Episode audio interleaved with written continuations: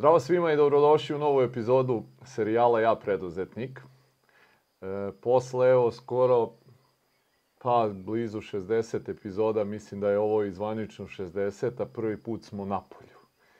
I prošli smo kroz ovaj serijal, kroz fenomenalne kancelarije, fabrike i imali prilike da vidimo neverovatne dizajne, kako su one osmišljene i sve, ali teško je nekako takmičiti se sa majkom prirodom što se tiče lepota.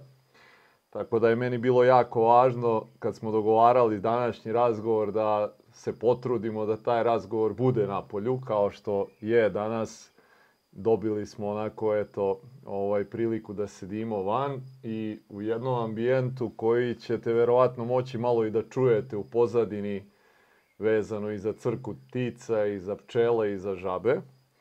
Da pogledate isto posle onako poprilično veliki prostor koji je jednim delom povezan za to čime se naš današnji gost bavi, ali to je negde usko vezano i za jedan način života koji je on odabrao.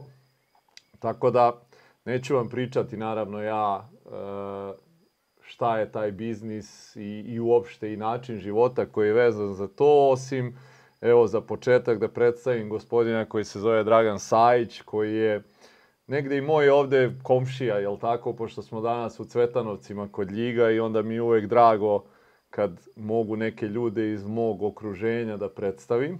Dragane, dobar dan, dobrodošao u serijal. Hvala ti na gostoprinstvu ovde na tvom imanju i da evo za početak predstaviš sebe, svoju firmu i šta je to što vi radite. E, hvala Đorđe, dobrodošao. E, dobrodošao u selo Cvetanovac gde se danas nalazimo, a kad me pitaju šta radim, s obzirom da se selo zove Cvetanovac, gajimo cveće između ostalog i naš osnovni posao je uređenje, održavanje zelenih površina, projektovanje i sve ono tako da i firma Bio San, inače E, eto sad je nekih 20 godina zvaničnih od registracije, a 29 godina od kad smo počeli da radimo dok nije došlo do prve one registracije, tako da se eto skoro 30 godina firma se bavi, da tako kažem, projektovanjem, uređenjem i održavanjem zelenih površina. U početku je to bilo možda više taj spoljni deo, kako vreme ide i kako su zahtevi i potrebe da se radi unutrašnje površine i zeleni zidovi, sve ostalo, tako da onom delu gde se danas nalazimo u selu Cvetanovac je deo proizvodnje, a glavni deo firma se nalazi u samom Ljigu i to je nekako neki spoj kako nama odgovara otprilike da budemo dislocirani što se tiče proizvodnje mhm. -huh. i ono što proizvodnja u ovom poslu koji se mi bavimo baš je karakteristična. Tako da onda to spajamo, jednostavno taj deo proizvodnje koja je dislocirana i same maloprodaje i prodaje koje se nalazi pored same Ibarske magistrale, mm -hmm. tako da koristimo onaj deo tranzita i autoputa i tako dalje. Eto da otprilike ono donekle taj deo e, bio sana kad je i ono vreme kad smo trebali da registrujemo firmu, e, tad je bilo razmišljanje kad sam prvo čoveka angažovao za firmu, pitam koliko je to komplikovano nemajući iskustva, on kaže, teć, naš, najteže će ti biti da smisliš ime. Mhm. -huh. Kao to je, to je najteže, sve ostalo je... sve osta... I onda sam shvatio da to je baš tako. U to vrijeme nismo nešto ni razmišljali da je to... Da, kako će sad da se zove fi, ovaj, firma. I onda smo nekako je to došlo do, do bio san, u ovom trenutku kad smo davali ime nisam ni sam znao, eto to je nekako tako nam se pogodilo, nije uh -huh. ni ona mhm. prva slova ni ništa, nego jednostavno bio sam kad mi posle kasnije pitaju ovaj, da li kako, da li je to imalo veze ili nešto, kao ono u smislu, eh, eto, bila je šala, bio je sam pa postao java. Tako je da ovaj Aha. deo gde se mi sad ovde nalazimo je nekako tim spletom okolnosti tako i nastao, tako da ovaj deo gde sad proizvodnja jednostavno nije bilo u onom početku, pa smo kasnije sve ovde e, napravili ovaj deo uživanja što bi mi spojili sa delom rada i samim delom ono što je potrebno za, za rad, za bitke, za, uslove da imamo, da su dobro stečeni uslovi zbog zalivanja, zbog vetra, zbog svega s obzirom da je intenzivna proizvodnja, pa onda mora sve to da ima Mhm. neke stvari koje su bitne. Tako da jednostavno sad koristim moj deo prostora ušuškanosti da i malo uživam. Imaće prilike ovaj, e, svi koji nas prate da vide sve ovo što se nalazi na, na imanju i kuće i plastenike i jezero i pse i mačke koji će možda u nekom se trenutku pojaviti kroz kadar, ali a, negde ono što je tradicija našeg serijala je da se vraćamo uvek na početke pa da onda dođemo do ovih trenutnih ovaj stvari da ti za početak kažeš nama nešto o sebi, o tvom odrastanju, školovanju, pa da polako krenemo ovamo u, u današnja vremena. E, tu smo iz Ljiga, porodica Sajić je u ovom kraju redko je prezime, ali inače svi potiču, da kažem, iz ovog dela. Imamo nekakvu tradiciju koju sam ja jednim trenutkom narušio. Imamo tradiciju da i moj deda je 20. godina bio trgovac u Ljigu. E, otac je bio privrednik. U ono vreme kad sam se ja, kad, sam, kad je bila osnovna škola još u Ligu, tad je bilo nekako teško reći kad pitaju šta je otac po zanimanju, da kažemo da je privatnik, nego je obično bilo radnik. Eto, to je bilo neko prećutno u smislu tako, nije se baš blagonaklono gledalo na, na privatan rad. Tako da, kažem, mi smo sad, ja kažem, moji deci, mi smo sad četvrta generacija, eto, oni su četvrta generacija e, dolazili, e, koji radimo, da kažem tako, privatno. E, posle onog, s obzirom da je moj otac, valjda, verovatno u tom periodu kad je bilo dosta kako je moglo da bude teško, verovatno, mm. zanatljivim u tom periodu, onda je bilo, ajde, kao da idemo, da ja ne, ne, ne nastavim tu tradiciju, nekako se kod nas teško i teško su uopšte nastavlja ta tradicija. E, bilo je ono, ajde, kao u školu, pa bolje tako. Tako da sam po, e, specijalizirao, ja sam specijalista telekomunikacijone sisteme, to je nekako Telekom bio pojam za e, na nekako kvalitetnu, stabilnu i dobru firmu. Mhm. Tako da sam nekih 19 godina radio na održavanju elektronskih centrala, ono što je baš karakteristično za... Jesam, ne mogu da kažem da nisam voleo taj deo posla, taj deo tehnike, ali čini mi se da već negdje posle nekih deseta godina, 15 možda, ajde, deseta godina, došlo je do nekog zasićenja u tom smislu i onda jednostavno ne znam kako je to i, i, i napravila se ta, da, da tako kažem, neka iskra u smislu nekog drugog, jednostavno nisam sebe vidio u tome, Mhm. uopšte u onom smislu uh, potpuno. Supruga je, već kasnije, posle škole, kad smo se uzeli, e, supruga je već, ono, razmišljanje je bilo vezano sa cvećem, tako je nekako to došlo u to vreme. Radili smo prvo onaj deo uh, cveća uvoza iz Holandije, sobnog cveća. Dugo godina smo možda, to je taj, kažem, tih devet godina možda do registracije, koje je proteklo da je nismo a, radili registraciju firme. E, pored toga, radilo se taj deo donekle nekog uređenja, upoznavanja sa tim. Uglavnom se radilo taj deo uvoznih biljaka koje nismo proizvodili, nismo ni imali uslove, da bi posle toga već, kad čini se kad sam tražio, o, mogu, bukvalno sam tražio i vezu da u trenutku izađem iz Telekoma, zato što sam držao nekih devet tih e, digitalnih centrala, nema kadra za to, i ja sam već to sve prošao, bio na specializacijama i onda je bilo veza da se izađe iz Telekoma u nekom trenutku. To, to mi je bilo ovaj, jednom prilikom kad smo razgovarali, kad si mi pojašnjavao frapantno e, kako uopšte u tom trenutku i sistem izgleda. Dakle, ti nisi mogao da dobiješ, hteo si da daš otkaz, a ne možeš da odeš iz državne firme. Otprilike to i ne postoji kao opcija do tad u procedurama. Bukvalno je bilo, ja sam se onda i šalio preko ljudi, znam da treba veza da se primi, ja nisam znao da treba veza i da se izađe iz firme. E, zato što je, procesi su tak, taj deo tih, ipak je to tih devet centrala, e, funkcionišu da mora da saobraćaj da radi. Zna se, mislim, bio sam, imao sam fleksibilno radno vreme, potpuno, sve uslove, ali jednostavno, vidim, i to je moj neki apel na ljude, e,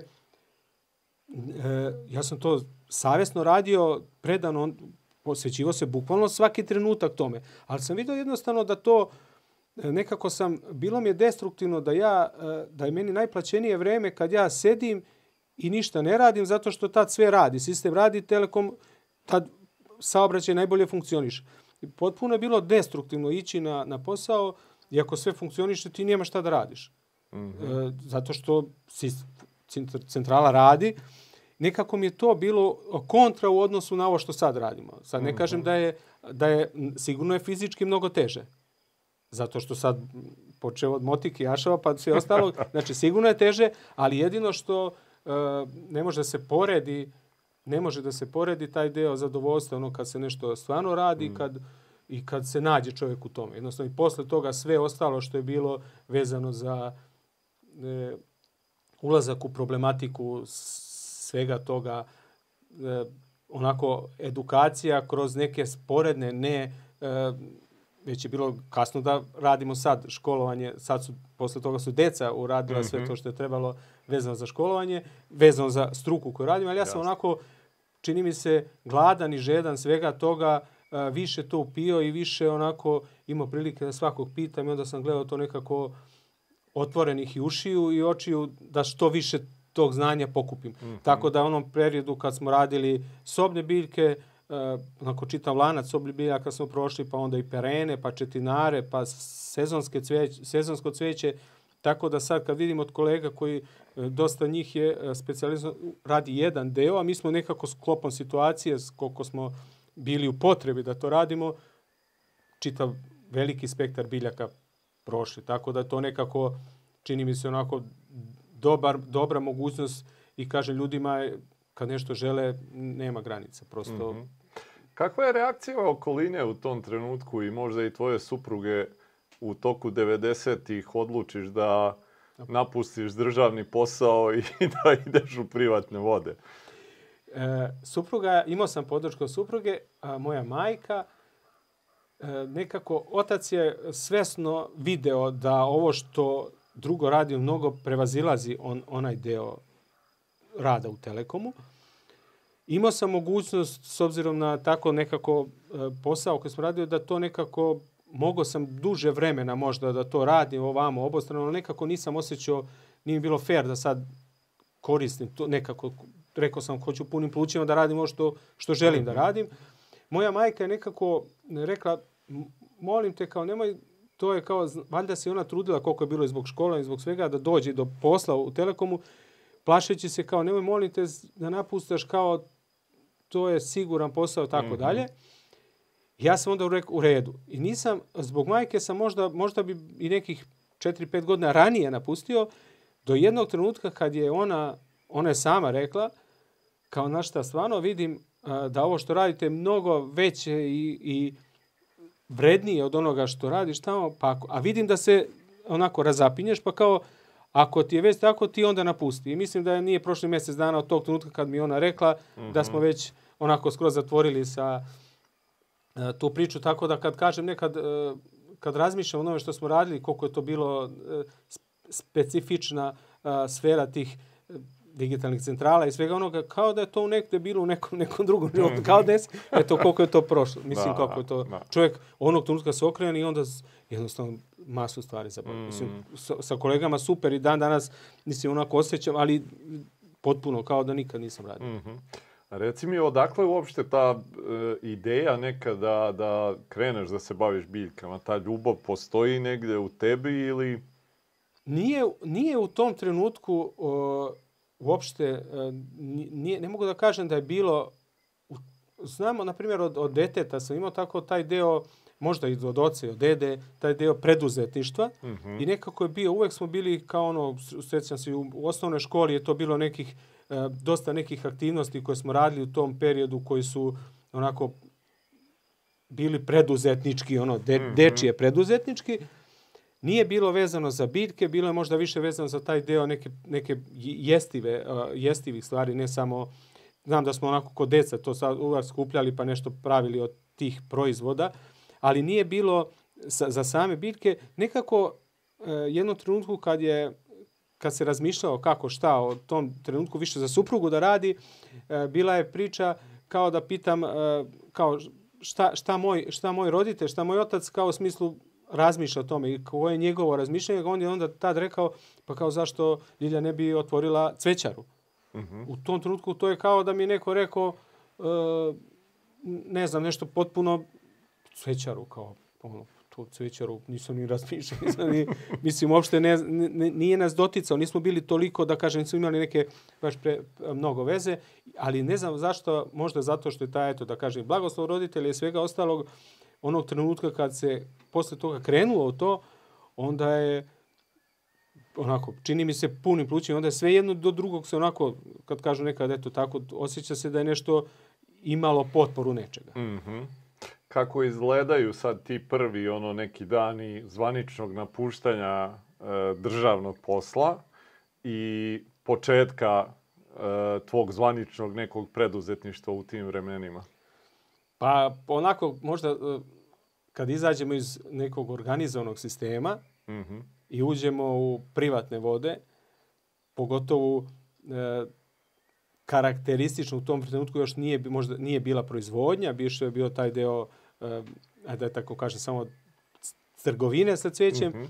ali je bilo onda prvi put susretanje sa, sa, sa nečim što treba da mi rešavamo i da mi mm -hmm. organizujemo i da mi pravimo i onda e, sem toga što ono radimo ceo dan, mm -hmm. bukvalno ono prođe ceo dan u radu, e, umor fizički jeste postojao, ali psihički ne mogu da kažem da možda, možda nekih ajde, deset, deseta godina, da nikad nisam ni, ni jednom mislima se nešto pomislio na, na, onaj, na onaj deo rada u Telekomu, da je bilo nikad možda da sam samo jednom u životu, onako u trenutku mi se javila misao, ej, pa što je meni baš ovo trebalo, mogao sam, mogao sam tamo da sedim. Ali možda, eto, kaže, možda jednom da mi se javilo to onako, čisto da sam uh, išao pomisliti, pa da je to tako bilo. Mada ne, mislim iskreno da me tad neko pitao, čekaj, hoćeš li opet da se vratiš? Rekao bi, ne, stvarno ne mogu. Mm -hmm. Ali, uh, kažem, nije bilo organizovano, dosta je se radilo u onom delu uh,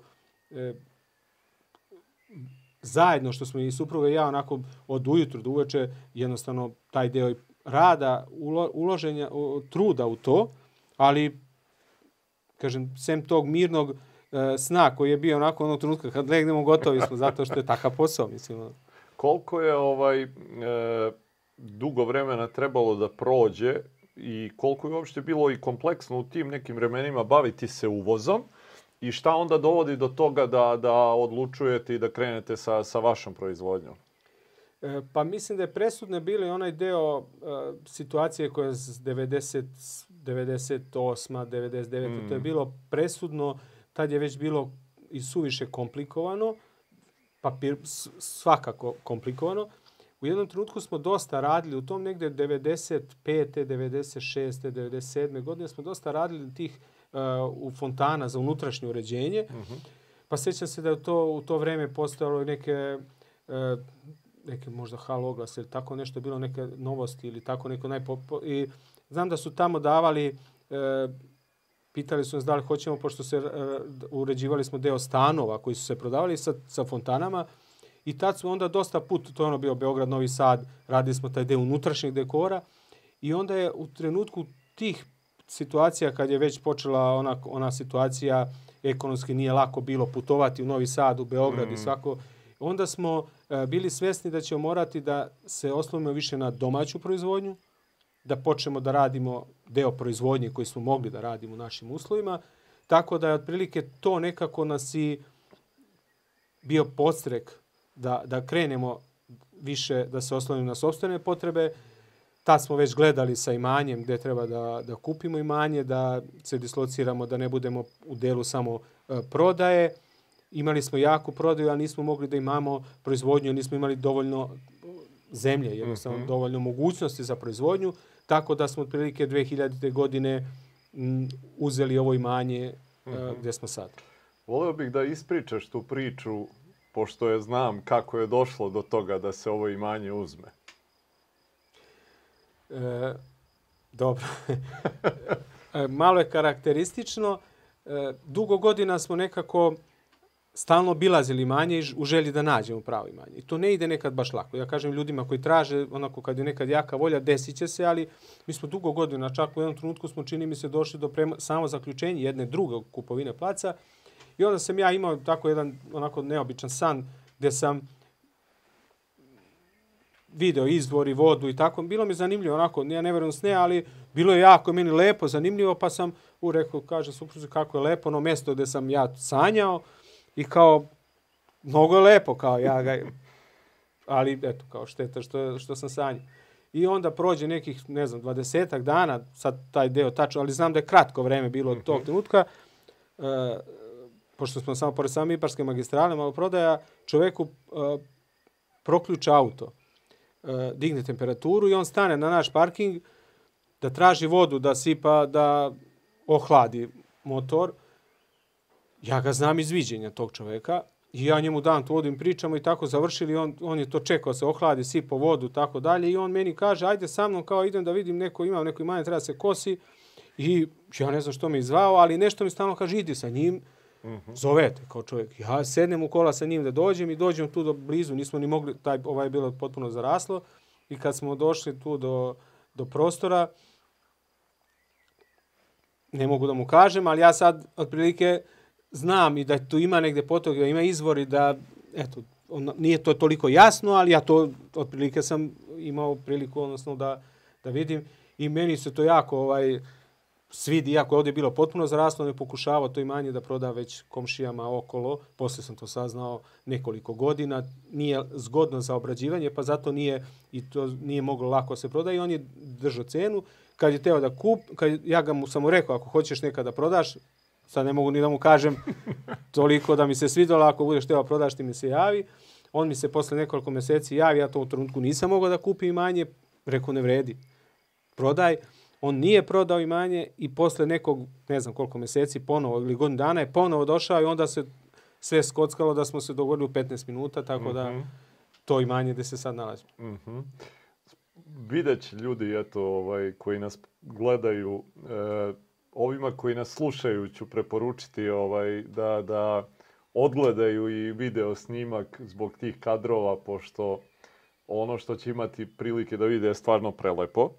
I sad kupujete to imanje, e, polako krećete sa svojom proizvodnjom, koliko znanja uopšte vezano za tu proizvodnju imate u tom trenutku i kako dolazite do, do onih koja su vam potrebna, nova, koja nemate? Krećemo, uh, normalno da neke, nemamo sve, nemamo sva znanja, onako već uh, je to zahtevnije. Mm -hmm. Podižemo velike plastenike, prvo dva velika plastenika, intenzivno gajanje biljaka, znači perenskog materijala, ukrasnih biljaka, četinara, e, sve ono što je za ono što, što smo se mi, mislim, u tom već periodu iskristalisali se, mislim da smo jedni od prvih koji smo i tad radili uređenje prostora, a nismo imali svoju proizvodnju.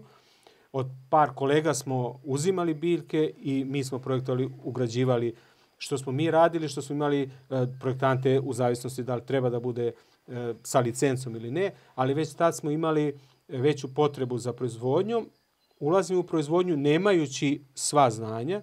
Bili smo svesni toga da će nas sigurno čekati jedan po jedan problem. Onog trenutka ohrabrujuće kad vidimo da sav taj deo s obzirom na širinu proizvodnje koju moramo da imamo s obzirom na, na takve bitke. Ne možemo da se usko e, opredelimo samo za jednu vrstu. Na primjer, na zapadu je to mnogo lakše, berze to mogu da funkcionišu i vi imate, radite mali broj biljaka uh mhm. -huh. i u trenutku kad ih proizvedete možete da izađete na berzu i da ponudite, dobijete dobru cenu. U našim uslovima to nemoguće. Ako proizvedete veliki broj nekih biljaka, prvo je tržište tako da ne možete da ga prodate. Mhm. -huh. Uže, ne možete tako usko da prodate, morate idete na veći asortiman, ako idete na veći asortiman, samim tim ćete već biti u potrebi da učite kako svaka bitka, kakve uslove traži, ali otprilike to, taj deo onog kad smo počeli i ulazili sve više u to, kad se otvorenih oči uši, ono što kažem, e, traži, uvek se i nađe rešenje. Mm -hmm. Pitamo, deo i mi, deo smo, da kažem, platili kroz, kroz naše iskustvo, ali nismo ni jednom imali nekih e, većih kikseva svaki put pratimo, pitamo nekog kod kolega, jednostavno takav deo kolegijalni i uvek se, čini mi se, lako iznađe rešenje kad se ima dobra volja i kad se krene sa tim mm -hmm. onako otvoreno, mm -hmm. da mhm. nije. Tako da smo taj deo, najveći akcenat od 2000. 2003. i četvrte godine kad smo podigli velike plastenike, intenzivno počeli da gajimo. Tog trenutka, tad, se već, tad je već firma i, i značajno nam treba više ljudi. Nije to opet, e, kažem, nije to velika firma odnosu kao druge. Ono što je karakteristično u našem poslu, što se inače isto dešava i na, na svetskom nivou, rasadničarstvo je uglavnom porodičan posao. Mm -hmm. I to su i u Italiji, na primjer i u Holandiji, to su uh, generacijski nasleđuje, s obzirom da je to najsličnije, da tako kažem, autoindustriji. Jer vi da bi bilo koju biljku, četinar ili drvo došlo od trenutka proizvodnje do prodaje, treba minimum 3, 4 do 10 godina. Znači, to je kao autoindustrija kad izbacujete novi model neki ili nekih kola. Mm -hmm. Tako da to uopšte nije uh, onom trenutku kad je bilo već 2000. godina domaći, uh, privat, o stvari državni rasadnici, Srbija šume već idu ka padu, sve manje. Tu je, smo našli svoje neko mesto da možemo da, da napravimo tu ciljnu nišu, da više mi proizvodimo tih biljaka. Kažem, asortimanom smo proizvodili šire da bi mogli da radimo čitav taj deo uređenja i tako da od te 2004. aktivno i sve više i više svako, svake godine radimo deo uređenja i, i mhm. podizanja zelenih površina. Rekao si sad da se tu u jednom trenutku javlja potreba za angažovanjem novih ljudi pored tebe i supruge.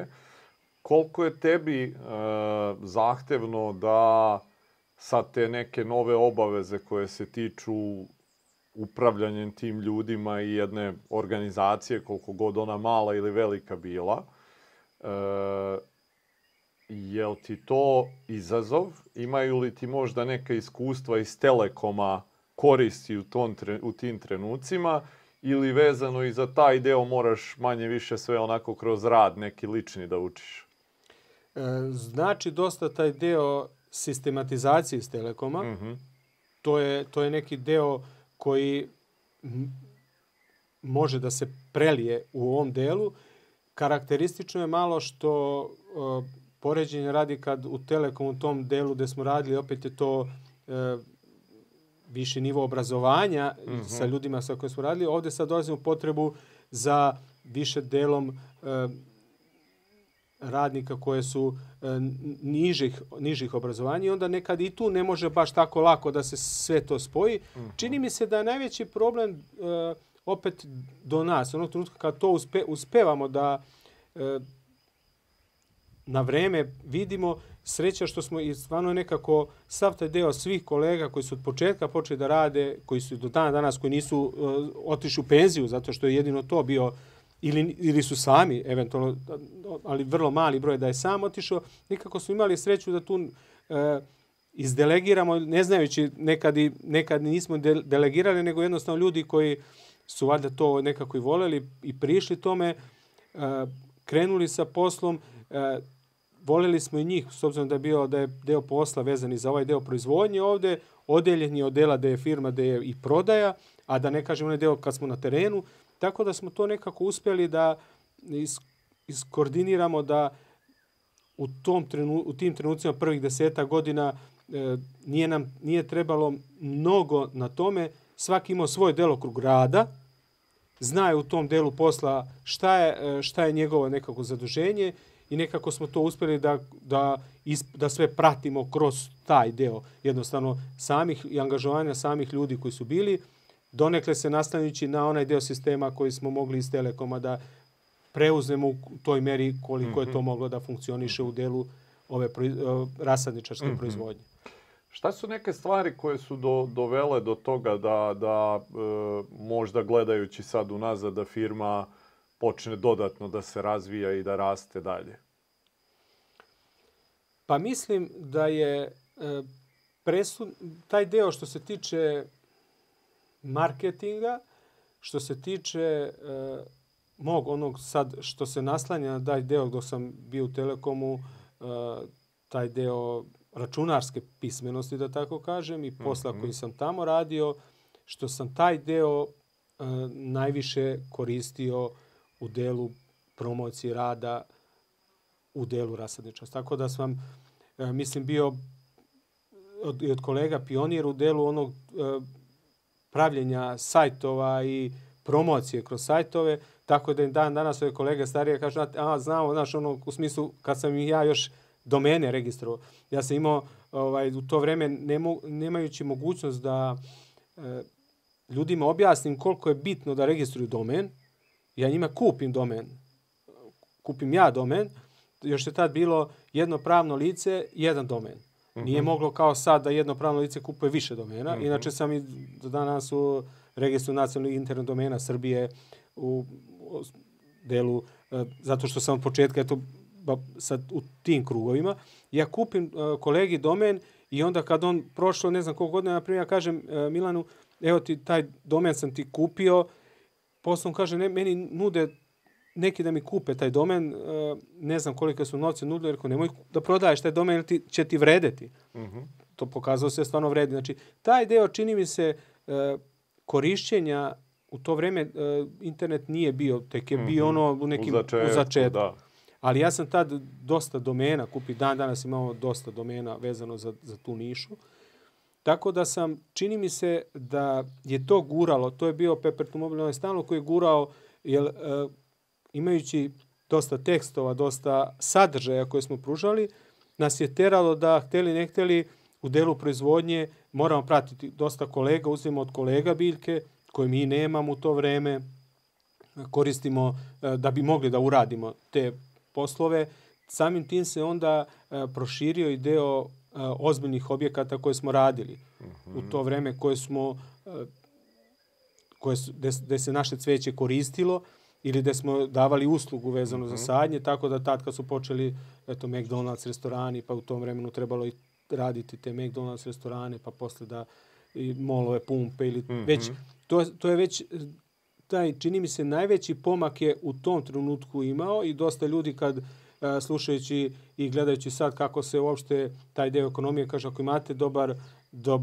do, dobru prodaju onda sve ostalo prilagodite njoj lako ćete prilagoditi ne vredi se samo kao onom ranijem periodu onog 60 i 70 godina kad je proizvodnja da tako kažem bila proizvodnja pa sad imamo sa proizvodnjom ne mislimo o tom delu kako ćemo sa prodajom sad to potpuno je baš onako kako i kažu da treba da bude. Jednostavno, sad taj marketing i taj deo ponude koji je bio, nas je intenzivno gurao, e, stalno su dolazile nove stvari, da su to zeleni zidovi, da li je bilo šta oko toga, nekad ni, ni sami ne znajući kako to e, situacija mm -hmm. natera da moramo da uđemo u to, onda se lako mm -hmm. spituje, nije, ipak je biljka je, e, kad se sa biljkama kad se o biljkama razmišlja, biljkama se gleda, pošto je to živo biće, nekako se dobije odgovor. Nije nekako, ono je, vidimo da li treba se zali ili da mu fali ovo ili ono. Mislim, nije, mm -hmm. ta, takav, je, takav je deo posla. I čini mi se da je to bilo presudno da u onom trenutku kako je rastao internet, kako je naše prisustvo u tom sve više bilo tu, to je sve i onako sve više i više uticalo na to mm -hmm. da mhm. dolaze sve više i više posla i to je angažovalo sve više širenja što se tiče i proizvodnje i asortimana i mogućnosti da bi sad i ta elektronska prodavnica i sve ostalo mm -hmm, što, što, je, mm -hmm. što je toliko. Negde ovaj, e, pretpostavljam da se na tu negde priču onda i nadovezalo kao logičan sledeći korak e, razvojem interneta, dolaskom YouTube-a. E, kanal YouTube koji imate, koji je onako 50 hiljada subscribera i negde preko 5 miliona pregleda ako imam. Ako mislim da sam dobro video da imaš. Ovaj, e, jel to isto došlo negde kao tvoja ideja i koliko ti je uopšte bilo prirodno da onako sedneš ispred kamere i sad pričaš ljudima nešto? Uopšte mi nije bilo prirodno. Uopšte mi nije bilo prirodno i e, sećam se tog perioda možda smo, možda smo prvi neki, možda se prvi neki početci toga bili pre 3-4 godine, onako stidljivo. Ja sam prvo treba u sebi da prelomim, u glavi da prelomim, mm -hmm. to da ću sad biti neko ko će da stane ispred mm -hmm. uh, kamere i da priča nešto. Uopšte mi nije bilo, prvo sam ja imao u sebi jako veliko dvomljenje oko toga, mm -hmm. ali sam shvatio u trenutku, dosta smo pisali, uh, blog koji je bio mnogo pre toga, uh, Pisali smo na blogu dosta tekstova, autorski bilo. Uh mhm. -huh. Vidim da to, to imalo reakcije, dosta ljudi piše, traži, ali opet sve ostaje, jedan krug ljudi čita e, tekstove i dan danas jedan broj ljudi čita tekstove, ali se pokazalo s obzirom na deo posla koji radimo i da su biljke u pitanju i ono što nekako je više vizuelno, to traži uh, fotografije, još bolje uh, snimak. Mm -hmm. I onda sam bio svestan da moramo da počnemo, mm -hmm. ali nekako čini mi se uh, sad je mnogo lakše uh, svima uh, mlađima nekako mnogo lakše se mm -hmm. rešiti na to. Mm -hmm. A, meni u tom trenutku bilo to stvarno nekako ne znam nija. Prelomio sam da pokušam, a, svestan sam toga da, svestan sam koliko nešto ne znam ili koliko će biti teško ili koliko će biti, ali rekao sam dobro, to je cena koju moram da prođem za to. Čini mi se da je e, naj, ono, najteže je prvo, prva, prva snimanja. Evo sad e, Isidora, čerka koja je e, inženjer pezažne arhitekture, sad, na primjer, prvo, mi smo se onako u šali njoj jednog trenutka um, isprovocirali da počne da snima, da bi prelomila samo to, ali ima je mnogo lakše, njima je to mnogo prirodnije mm -hmm. nego meni. Da, da oni sme. I onda je to, uh, onog trenutka je to počeo da se snima, onda su bile uh, reakcije, prvo, uh, trudio sam se da sadržajem ono što radim, pričam o tom sadržaju, ne gledajući, neću da gledam ono, iako radim problem, iako to dosta puta kameru i ne, ispričam sve, a nisam spustio kameru da snima. Mislim što je, eto i tako, orežem biljku, sećam se jednu spiralnu tuju, pričamo o rezivanju tuje i nađem dobru tuju koja je dobro kadru i namestim kameru, pošto je nezgodno, ne možemo lako nađu nikog da snima Aha. svaki put kad treba. I onda treba da taj tehnički deo, onda pustim da, trebao sam u stvari da pustim da snima, ja nisam. Ja sam celu, kam, ovaj, celu tuju orezo, to je trajalo 45 minuta da bi shvatio da nisam pustio snimanje. Ali onda shvatiš da je to normalno. Negde kao e, još jedan korak tu ovaj e, dolazi i knjiga, jel tako? Imaće gledalci prilike posle i da je vide onako malo u jednom krupnom kadru koja se zove Cvetni pozdrav. E, pretpostavljam da i ona negde deo ovaj e, tvog razumevanja i shvatanja toga e, iz marketinške neke perspektive isto koliko i ljudi konzumiraju sadržaj na različiti način. Pa si rekao, eto imali ste blogove pa videe i onda dolazi i ova knjiga. E, je li to negde bio korak na koji je trebalo borbe sa samim sobom? Čini mi se da je manje trebalo uh, borbe za knjigu. Mm -hmm. uh, knjigu s obzirom da sam dugo pre toga pisao blogove i tekstove mm -hmm. i to sam nekako, inače u onom periodu, u jednom trenutku pre nego što sam otišao za, za da kažem, za taj tehnički deo, uh, bilo je razmišljanje, teo sam da upišem književnost. Mm -hmm. to, je, to je nekako bilo. Jeste, znam da je moja majka, pa kaže, te ćeš na književnost, šta će, mislim, tamo to, to nije tako sigurno kao Telekom. Da. Ali znam da je onako bilo, dosta sam i tad nekako volao da čitam i to je ostalo uvek tako. I uh, osjećao sam, uh, to nekad kad osjećam potrebu da neš, nešto napišem, to je bilo u meni. I to mi nije bilo u trenutku kad sam jed, te zime, kad sam pisao knjigu, uh, više sam shvatio, samo sam razmišljao iz kog ugla da, da pišem. Nisam hteo da pišem nešto što se tiče kataloški vezano za biljke, koliko koja biljka raste, ovako ili onako. Mm -hmm. Prethodno sam to dosta imam prilike da svaki put, zato što ja sve biljke posmatram i vidim koliko je to onako nekad i pogrešno e, čitati te kataloški. Kad uzmete bilo koju biljku i sad, e, mislim da smo imali prvi katalog na internetu i tad je bio nagrađen ministarstvo, ovaj, nagrađen na sajmu hortikulture u Novom Sadu i taj naš katalog koji je bio elektronski, dosta se toga pre, posle prepisivao putem interneta. Mm -hmm. Ja kad vidim neke biljke dan danas, Vidim da smo mi to pisali tad. I tad smo i mi, e, kad smo u jednom trenutku piše, pisalo se više, se gledalo na biljke koje u, ma, u matičnoj zemlji rastu i onda se kaže, na primjer, ako je ginko, on raste 40 metara. A kad vidite kod nas ginko, najstariji, na primjer, u Novom Sadu, ima možda 10 metara. To su, e, to nekako ne, obično se počinje to kataloško kako je na onom delu gde je autoktono mjesto, ali nije na mjestu gdje se vi nalazite, s obzirom na, na klimatske uslove, to nije uvek isto. Tako da sam se trudio da uopšte ne zamaram ljude sa pisanjem uh, tog, ja kažem, to je kao kad čitate telefonski imenik. Mislim, ono, mnogo ličnosti, ništa se ne dešava. Tako i to ne treba se bazirati na taj kataloško čitanje koja biljka koliko raste, vide, više sam video problem, s obzirom da gledam onako potpuno iz drugog ugla, znači sam gledao, vidio sam da ljudi imaju, kad dolaze do sređivanja dvorišta ili prostora, imaju neke blokade u glavi vezano za neke e, potpuno e, kočnice koje sputavaju da, da dođu do sređenog dvorišta. E, kao predrasude, mora to ovako, da mora onako, da je to bilo tako. To su nekakve, vidim, kočnice koje ljude u velikoj meri sputavaju da, da krenu to. A kad krenu, sigurno će uraditi. I onda je taj deo knjige bio vezan baš za to, tih, te, te, tih šest poglavlja koje sam pisao i zašto se Cvetni pozdrav se zove i zato što e, YouTube kanal je Cvetni pozdrav, ali nekako meni bio onako, pored svih ovih pozdrava koji postoje, meni je bilo baš onako milo da bude cvetnik. S obzirom da M smo u Cvetanovcima, M gajimo cveće. A, a. Mislim, najlogičnije je bilo da bude cvetni pozdrav, a ne sad da bude nešto drugo. Nekako je knjiga e, izašla iz mene za kratko vreme. Znam da sam ustajao rano ujutru, inače uvek ustajem rano, ja sam ujutru rano ustajao i pisao onako kao jednostavno samo pisao. Mm -hmm. Nisam nekako je izašao iz daha, čini mi se. Mm -hmm. Tako kad sam imao kasnije prilike da razgovaram sa nekim, on kaže, dobro, do, dobro, svi kažu dobro što si, nikad, nisam se trudio da nešto ispravljam tog trenutka. Samo sam pisao, samo sam mm -hmm. pisao. Mm -hmm. I to, eto, to je, čini mi se, e, ljudima da pomogne u onom trenutku kad da skrati onaj predrasude koji imaju ako žele da rade dvorište, i sve ostalo, to je karakteristična stvar. Ono što napomenem, ljudi naprave i kuće i zgrade za šest meseci, za osam meseci, za godinu dana. Vrlo brzo se to uradi. Dvorište je nešto što je vrlo karakteristično i to je daje mhm. posebnu težinu.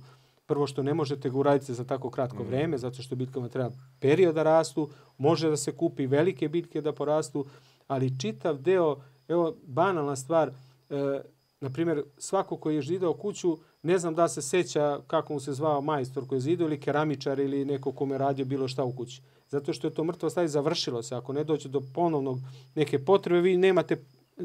A, a što se tiče čoveka koji radi u dvorište i baštovana, to je nešto što ćete morati da mislite o njemu bukvalno, da ne kažem na mesečnom nivou. Mm -hmm. Jer stvarno se nešto dešava u vrtu ili nešto nešto napalo neku biljku ili treba da se prihrani ili nešto bi drugo promenili, to je živo i to traje. Mm -hmm. I kad kažem, kad biraju ljude, eto to sam i prenosio u knjizi, to iskustvo, ako birate ko će vam raditi dvorište, nemojte nikad da polazite od onog stanovišta kao kad uh, zidate kuću, pa treba majstor, vi ćete, bit će majstor tu nekog meseci i više ga nikad nećete vidjeti. Rekao, ako osoba koja treba da radi dvorište ne odgovara, ne možete s njom da pijete kafu, da idete na ručak, nemojte uopšte kretati ako vam ne odgovara jer ćete biti u problemu zato što vi ćete morati njega vrlo često da zovnete ili da ga konsultujete ili da razgovarate s njim i ako budete imali te negativnosti od početka nikad neće biti dobro. Jednostavno neće ići lako ni sa e, delom e, gajanja biljaka. Mm -hmm. Biljke same po sebi imaju tu osobinu da onako, ipak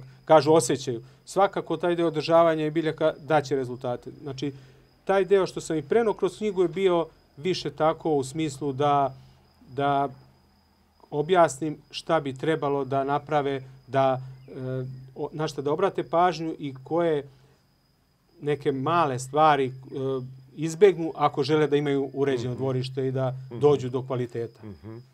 Reci mi kroz taj neki razvoj tvoj e, preduzetnički, šta su neke stvari koje si morao da menjaš kroz, e, kod sebe?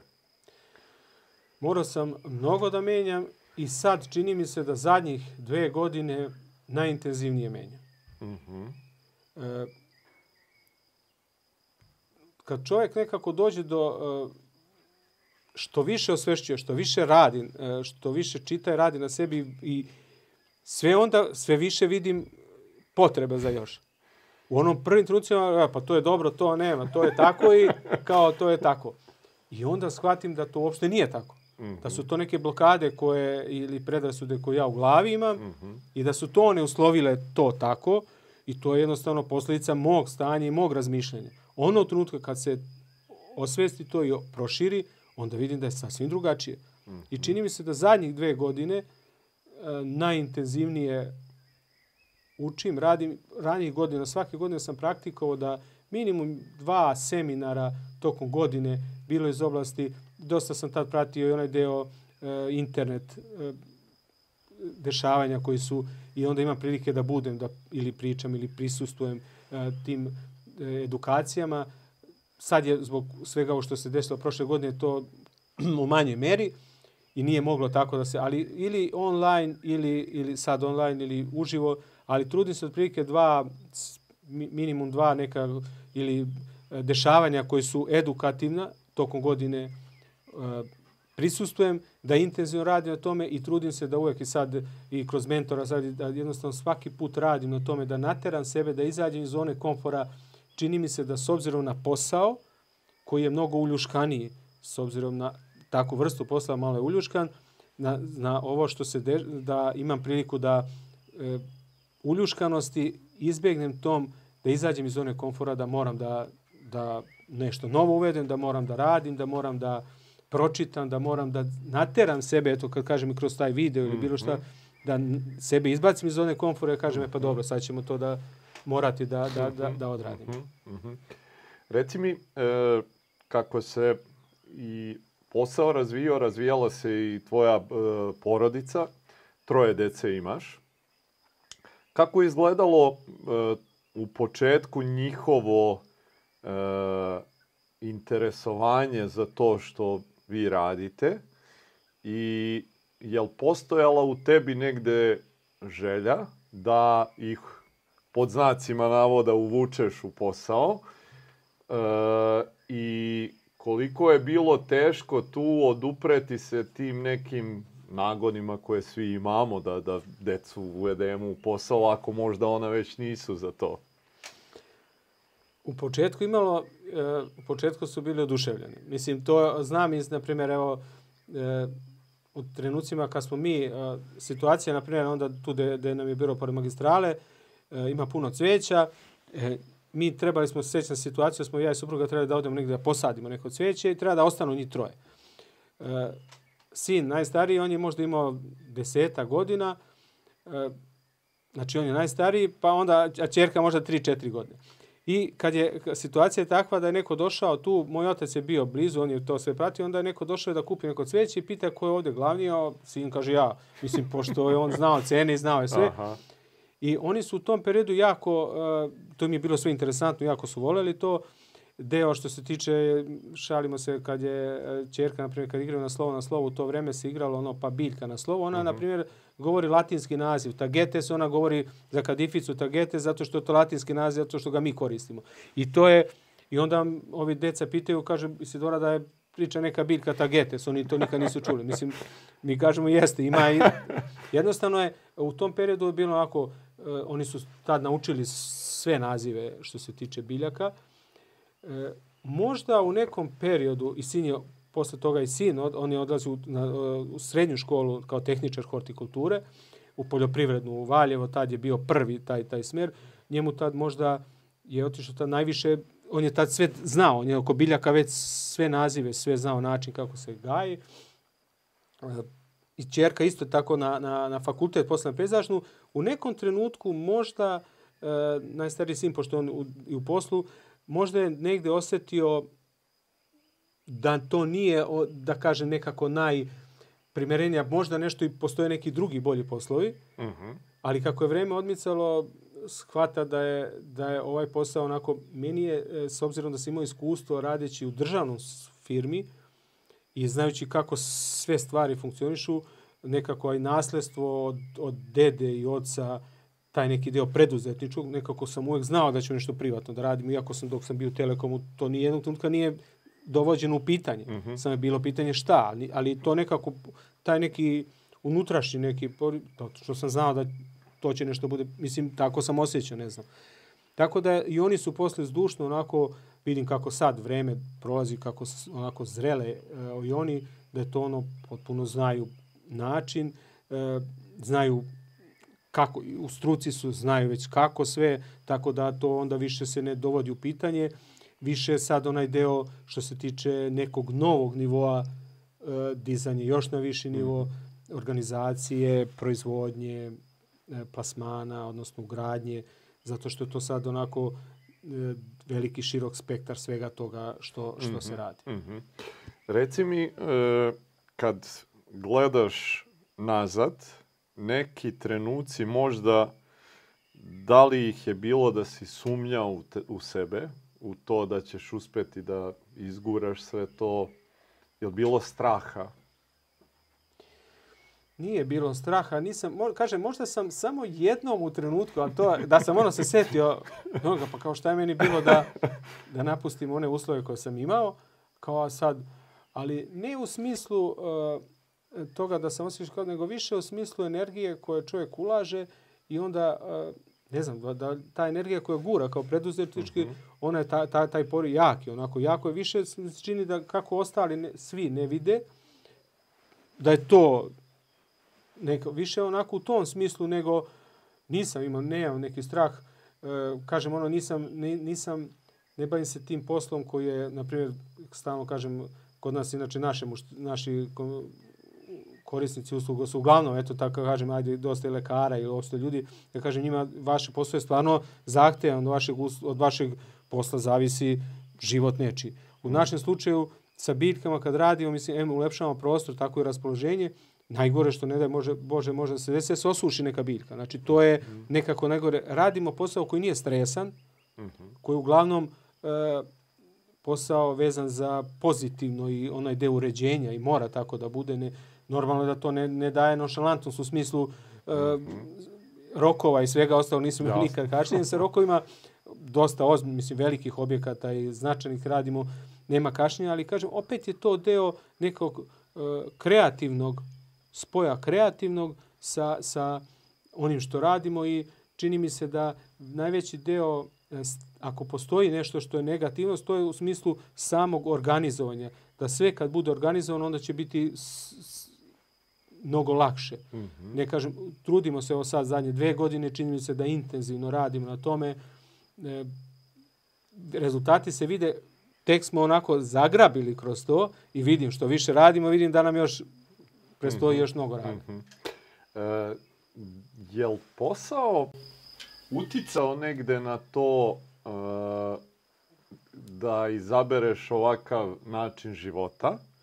Je li to bilo negde jedno s drugim ili je proizašlo iz toga što radiš, iz kupovine ove zemlje i odluke da i ova kuća koju imaš izgleda ovako i da celokupan jedan život kako ga vodiš izgleda ovako danas. Je li to proizašlo iz biljaka ili je to već isto negde bilo u tebi? Bilo je pre. Uh mhm. -huh. e, otac Tade Vitovnički, imao sam prilike da ga uživo znam, e, odlazio kod njega u Vitovnicu, poznat e, monah koji je onako stvarno poseban, dosta knjiga koji je on posle toga pisao, E, meni stalno zvanje u ušima njegove reči kakvim se mislima bavimo, takav ti život. Kaže, kakvim mm -hmm. se mhm. mislima baviš, takav ti život. Mm -hmm. Ja sam to njega lično slušao mnogo puta i imajući prilike da razgovaram sa njim, to mi je stalno zvanjalo. I čini mi se da je, nije, čini se da sam sigurno znam, da je jednostavno posljedica tih misli koje su bile pre, su proizvele ovo što je sad.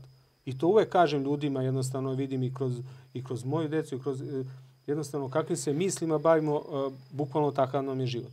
Uh, to sam poredio od, od pozitivnog ka negativnog. Ako čovjek ima, kako on kaže, ako imamo mirne misli, pune ljubavi, takav će nam biti život. Ako sami sebe obremenimo nekim negativnim mislima, onda ćemo, nemojmo se čudimo što žnjemo ono što, što smo, tako smo ga posejali. Mm -hmm. Tako da je to jednostavno taj spoj nastao pre. Mm -hmm mislim sad kad gledam kroz perspektivu kako i e, mislim da je to Steve Jobs rekao kao u smislu ne možemo da povežemo uh, sve kockice unapred kad, kad mm -hmm. gledamo, ali kad gledamo sa stanovišta gde se nalazimo iza, onda vidimo da je to sasvim logično. Tako mm -hmm. i mhm. meni sad kad pogledamo ono ispred, vidim da je ovo sasvim logično, ali je posljedica onog što smo bili pre. Mm -hmm. Tako da je ono, da kažem, te misli koje su bile od pre mm -hmm. su donekle napravili okay. ovo sad. E, jedna od onako prepreka i velikih izazova koju svaki preduzetnik ima je e, taj trenutak kad treba da delegira stvari i da se polako i negde kako vreme prolazi, e, polako povlači iz operativnih stvari da se bavi nekim drugima. Koliko je to tebi bilo teško i izazovno? Nije mi bilo e, uopšte mi nije teško, još uvek podstičem, podstičem e, omladina, da tako kažem, e, čini mi se da u nekom trenutku kad osetim, pa kao, e, još ne znam, onako stalno pratići to, te porodični deo, porodični deo firme, e, sad smo, svi smo, da kažem, tu i od jedan samo sin nije, da kažem, direktno u poslu, ali je njegova supruga Mina je tu, ali i on je onako sve više. Mm -hmm. Čini mi se da lakše ja bih voleo onako, uvek sam to nekako tako želeo da, da to e, oni više preuzmu, da ta inicijativa krene. Ja se ne plašim u smislu e, aktivnošću koju koliko ih im, koliko, bi, onako, koliko znam sebe i koliko mogu, čini mi se da bi najveći deo mogu da dam u delu u kasnije kad nemam opterećenje tog operative. Više sad nekako da to napravimo kako treba. Svestan sam da moram da budem tu još neko vreme. Supruga je onako više I ona kaže, ajde, e, ne, ne može se to nikad preseći, onako, u smislu, mm -hmm. Jednog trenutka mora da se više pusti i onda trenutka da i mi dobijemo onako, već smo sad sa unučaćima malo više onako, mm -hmm. tako da mhm. smo već osetili kako to izgleda. Mm -hmm. Tako da nemam uopšte, čini mi se da je moj, e, moja, e, moje guranje više njima mm -hmm. da to više preuzime da budu, da se ne, da to osete kao e, izazovi, da to nema, nema straha od toga. Mm -hmm. Jednostavno, ne može bez bez nekog, da, da kažem, problema, ajde izazova, ali da, da samo budu svesni toga, to je, to je sasvim mm -hmm. normalno. Mislim, bez tih ne treba se nikad uljuškati pa očekivati da će to da bude. Nego samo onako hrabro, čini mi se napred, tu nema, nije nikakav problem. Šta su neke lekcije koje si pokušavao deci ono da preneseš i ranije i sad? I neke vrednosti koje si se trudio zajedno sa suprugom, naravno, da, da im usadite kroz njihovo odrastanje? Pa imali smo prilike da i kroz uh, iskustvo mog oca i to isto prenosimo. Najbitnije ono što nekako taj otvorenost i ono uh, čestitost u smislu načina obhođenja kazati kako jeste. Mm -hmm. Mislim, taj deo, iako je nešto negativno, ali e, ne, ne kriti, nego jednostavno izneti činjenično stanje kako jeste, raditi, ono, kako mi kažemo, ono, pošteno, raditi svoj posao i uvek će rezultati doći. E, taj deo smo nikad nismo njih, nikad imali e, nikako bili da nešto putam ono što se, što, uvek smo govorili, uvek su u kući znali šta se dešava i uvek su bili otvoreni za sve. Nekad su kasnije posle komentarisali, posle kad su saznali, pa kao to, vi ste nama sve to pričali. Mislim, mm -hmm. bili su jednostavno upućeni od početka u sve i bili svesni svega toga što se dešava. Čini mi se da taj deo i e, možda, e, možda bi trebalo da nekako njima damo inicijativu u tom smeru da e, vidim da oni sad valjda gledajući sve ono što mi radimo, koliko radimo, pa se možda u nekom trenutku vidim sad onako razmišlja pa kao, kako ćemo mi to sad da će izazov ovoga i ovoga i ovoga, ali e, onog trenutka kad treba mnogo više da otvore se ka tome da kad počnu onako da, da uđu u to, evo vidim sad za neke segmente koje smo podelili i koji rade, da već sad oni prevazilaze daleko više nego što mm -hmm. ipak mislim nego ono što što je normalno. Mm -hmm. Onaj deo segmenta koji smo mi radili tako da sad videći ja kažem kad ste već uzeli ovaj segment i videli koliko bolje kvalitetnije sad radite to i nosite št, ništa drugo nije i sa ovim drugim. Znači isto to može da se uradi. Čini mi se ta otvorenost i ta taj otvorenost prema svemu što treba i otvorenost prema i kad radimo sa klijentima jasno reći št, i ako ima i da li je do nas problem ili do bilo koje, reći, izneti sve činječno kako jeste, čini se da ta otvorenost najviše znači. Ne uradimo, možda i kad, je, kad ljudi vide tu otvorenost i tako, rešenje se nađe. Znači ne treba to samo onako sklanjati i mhm. raditi, kao kaže, drži vodu dok majster mm -hmm. Kako se rešava nekad ako imate različite ideje ili viđenja stvari, kako dođe do odluke na kraju šta ćemo i kako ćemo dalje?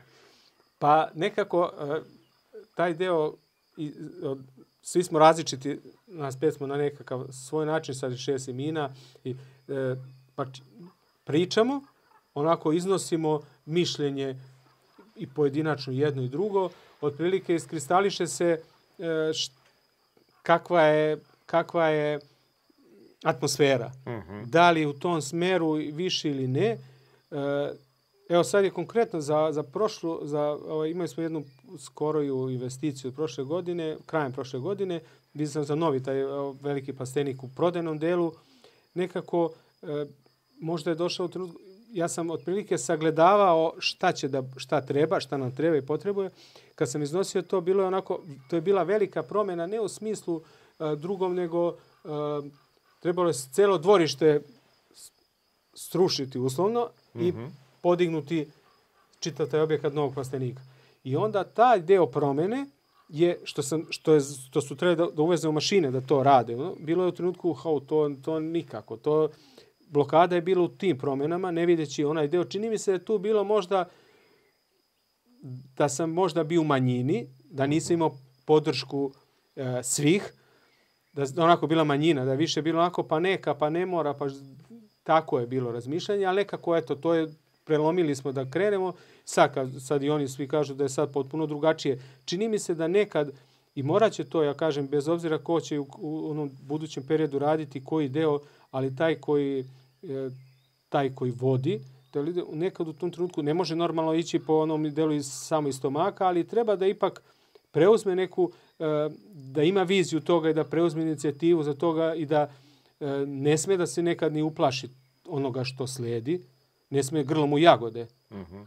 Ali taj instinkt nekako kad se e, isprati i pogotovo pratići sve dešavanja tržišta ono što će da bude i znajući kako će da ide razvoj, nekako to mora da se uskladi. U jednom trenutku mora da se donese odluka. Kažu da ono ne bolje doneti i najlošiju odluku, ali je doneti, nego, uh mhm. -huh. nego čekati. Uh mhm. -huh. Jednostavno, vidio sam da je više bilo u ovom slučaju čekanje nego doneti odluku. I onda smo eto tako, mislim da sam sad bio najmanje, -huh. a inače svaki put supruga stvarno onako e, nekako se razumemo i to, to jednostavno uh -huh.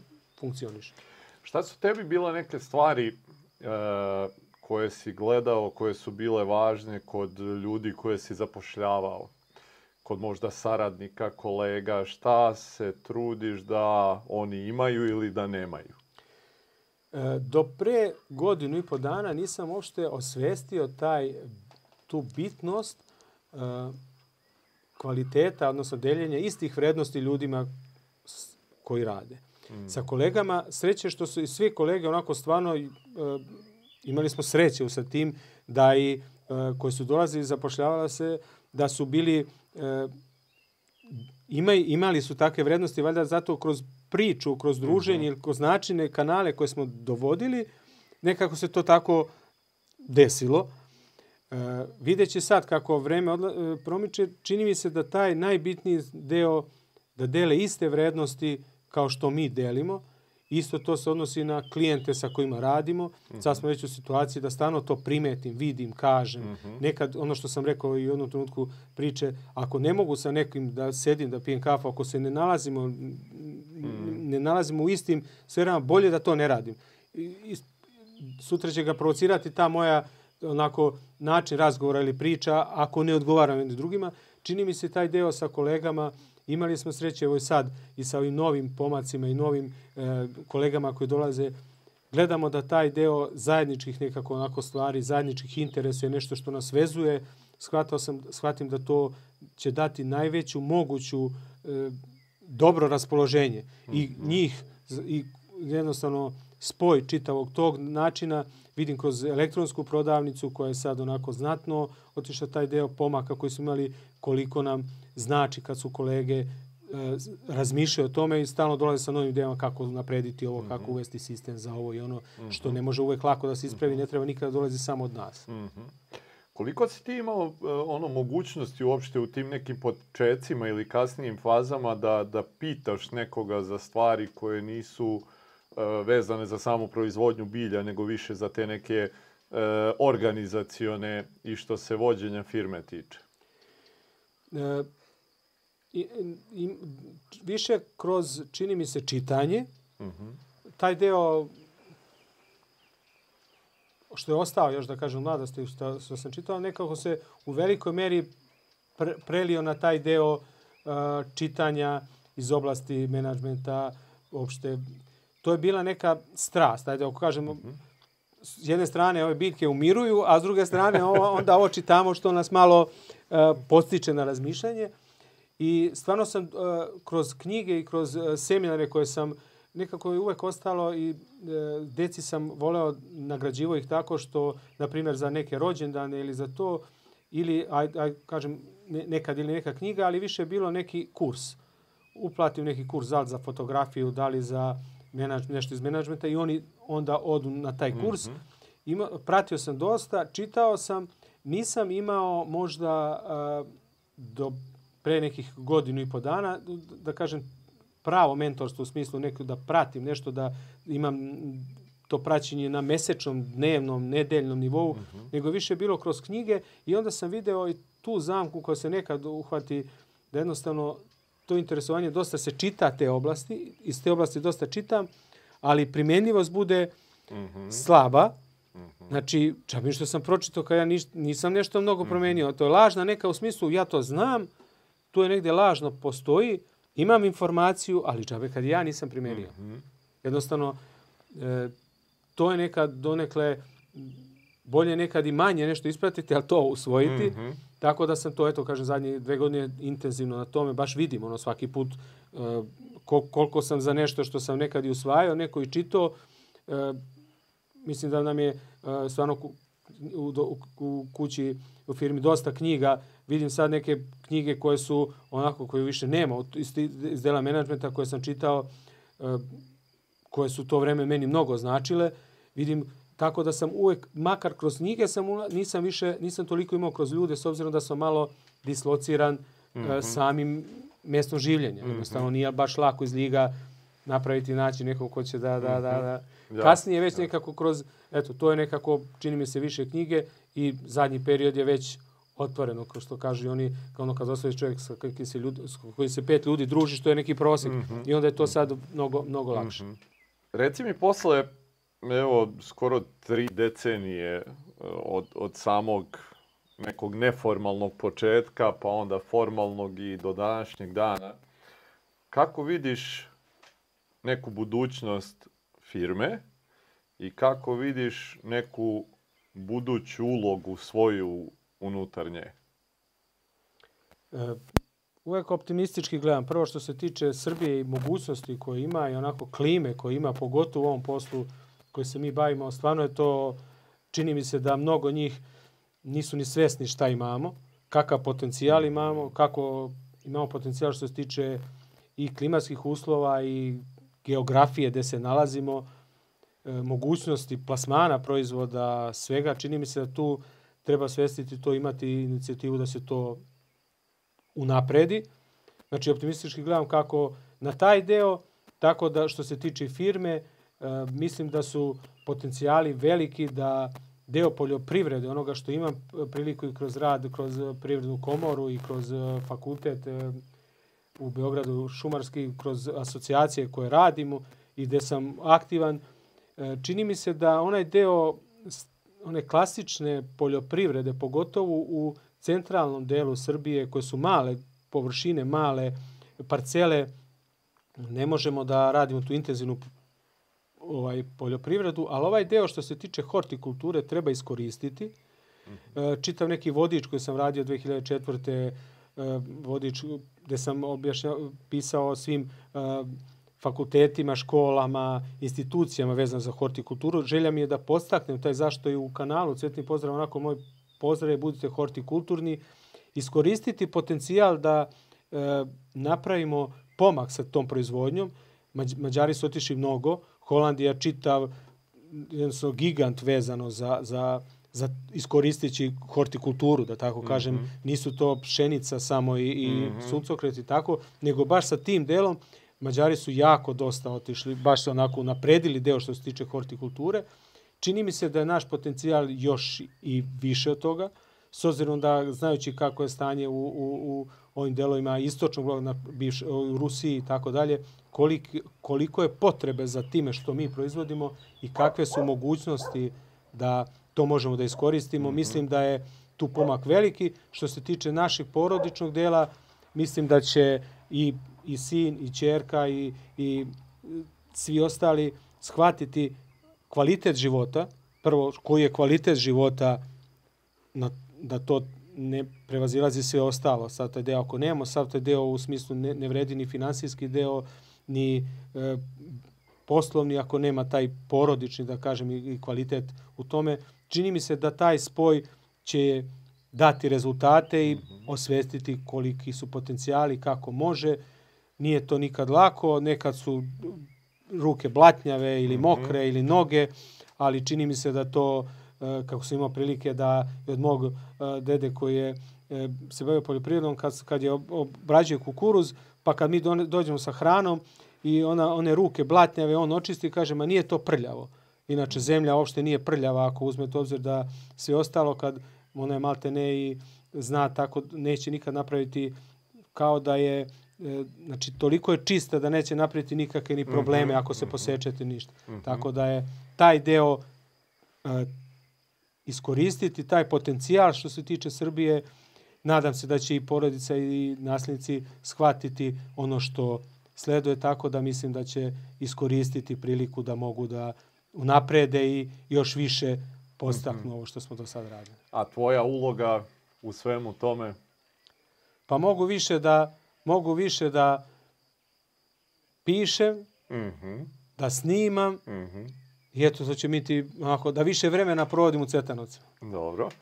E, kad e, se osvrneš sad e, i na svoj preduzetnički put i lekcije koje si naučio na njemu i da treba da ih preneseš nekim ljudima mladim preduzetničkim stažom koji razmišljaju možda o ulasku u neke preduzetničke vode ili su tu negde na počecima.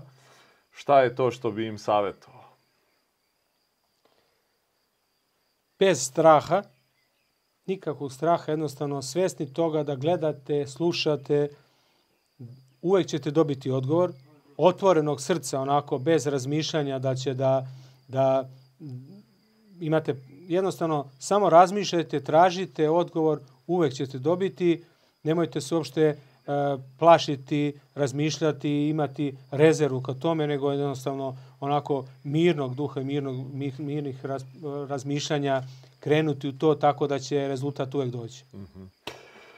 Dragane, e, pitanje sa kojim završimo sve ovaj naše razgovore, da imaš priliku da se vratiš eto u te neke 90. da pitaš Dragana odnosno da kažeš tom Draganu neke lekcije i mentorski savet sa svim onim što danas već znaš, šta je to što bi mu rekao? Samo napred. Mislim, to je ono u smislu mm -hmm. e, taj, pratiti taj unutrašnji onako osjećaj po jednostavno po razmišljanje onako što sam i pomenuo, one misli od CTD-a, kakve se misli, bavimo takav život, jednostavno truditi se da čovjek isprati te misli, da radi nešto što je svestan koliko je korisno i da ne ide mimo onog savesti svoje u tome. Znači jednostavno savest je nekako čini mi se najbolja mera koja nam kaže da li nešto dobro ili nije. Mhm. Slušati savest i eto to je to je jedan od Koliko savjeta. je taj Dragan bio otvoren tad za savete? Pa sigurno da nije, to je ono što, što sve sam kažem, sigurno da nisam bio e, više, više u nekom trenutku kad na, možda napravim e, jednostavno neki moment e, kasnije vidim da je to tako, ali trebalo bi svakako poslušati. Ja nisam mogao i ne tražim ni od, ni od, od dece da, da svaki trenutak, ali kažem nemojte slušati nas, poslušajte sami sebe. Onako stanite, poslušajte sami sebe u smislu e, savesti, jednostavno da tako kažem, -hmm. onoga dobit ćete odgovor. Mm -hmm. Dragane, hvala ti puno na, na vremenu i gostoprimstvu ovde u prelepim ovim predelima, što smo imali prilike danas da, da uživamo u njima. Želim tebi i tvojoj porodici ovaj, da uživate u svemu ovome bilo sa privatne strane, bilo sa poslovne, da i tvoja e, deca nastave tim nekim putem koji si ti sa svojom suprugom krenuo eto pre tri decenije i da ti polako imaš sve više vremena da uživaš eto u pisanju, u snimanju videa, da oni više uživaju u ovim operativnim stvarima i stvarno mi je bilo zadovoljstvo što smo mogli da, da budemo danas vaši gosti ovde i da prikažemo sve ovo onima koji nas prate. E, hvala, Đorđe. Hvala na pozivu da, da, da pričam. E, drago bi mi bilo da i jednostavno taj deo inicijalno bude i da shvate i da e, deca isto shvate kvalitet svega toga, da se nastavi, da bude postrek i za buduće ljude koji žele da poljoprivredu u Srbiji nekako, ako ne mogu onim nekim načinom što je bio do sad, mogu da pronađu kroz deo hortikulture i da jednostavno bude taj poziv za sve ostale da budu hortikulturni u smislu i da sačuvamo i nekako održavamo ovo što imamo i da unapredimo makar e, razmišljajući o tome da to okruženje oko nas moramo ostaviti makar onako kako je bilo, da ga ne uništimo. Mm -hmm. Hvala ti puno, jako lepe reči da završimo sa njima. Hvala i vama što ste ponovo bili sa nama, pa se vidimo sledeće nedelje. Prijatno.